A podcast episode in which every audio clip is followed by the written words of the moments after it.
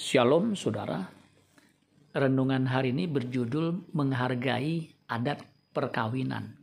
Kejadian 38 ayat 1 sampai 3. Pada waktu itu Yehuda meninggalkan saudara-saudaranya dan menumpang pada seorang adulam yang namanya Hira. Di situ Yehuda melihat anak perempuan seorang Kanaan, nama orang itu Sua. Lalu Yehuda kawin dengan perempuan itu dan menghampirinya. Perempuan itu mengandung, lalu melahirkan seorang anak laki-laki dan menamai anak itu Er.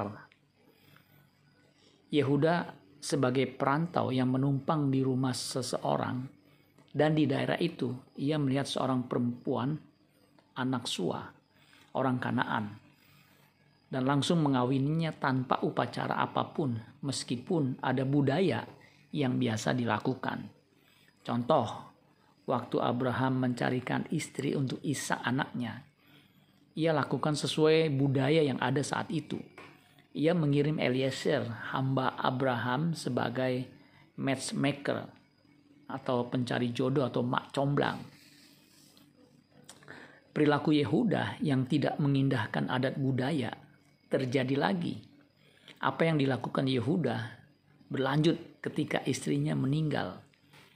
Yehuda seorang duda melihat seorang perempuan di pinggir jalan lalu mengajak berhubungan intim dengannya.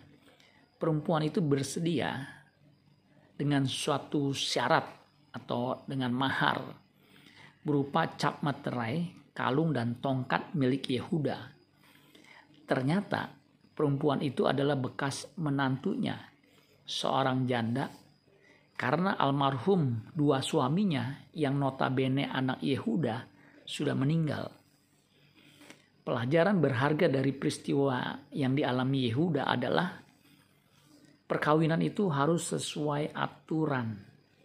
Hukum Taurat mengatur dengan rinci demi kebaikan semua pihak yang terlibat. Orang percaya adalah mempelai wanita dan Kristus adalah mempelai pria. 2 Korintus 11 ayat 2 Sebab aku cemburu kepada kamu dengan cemburu ilahi Karena aku telah mempertunangkan kamu kepada satu laki-laki untuk membawa kamu sebagai perawan suci kepada Kristus Hidup sebagai perawan suci adalah hidup sesuai pikiran dan perasaan serta kehendak Allah Inilah hidup yang berkenan kepadanya, yang sama dengan hidup kudus. Hiduplah sebagai mempelai wanita yang senantiasa siap sedia menyambut Kristus sebagai mempelia, mem, mempelai pria di kekekalan. Amin buat firman Tuhan. Tuhan Yesus memberkati. Sola Gracia.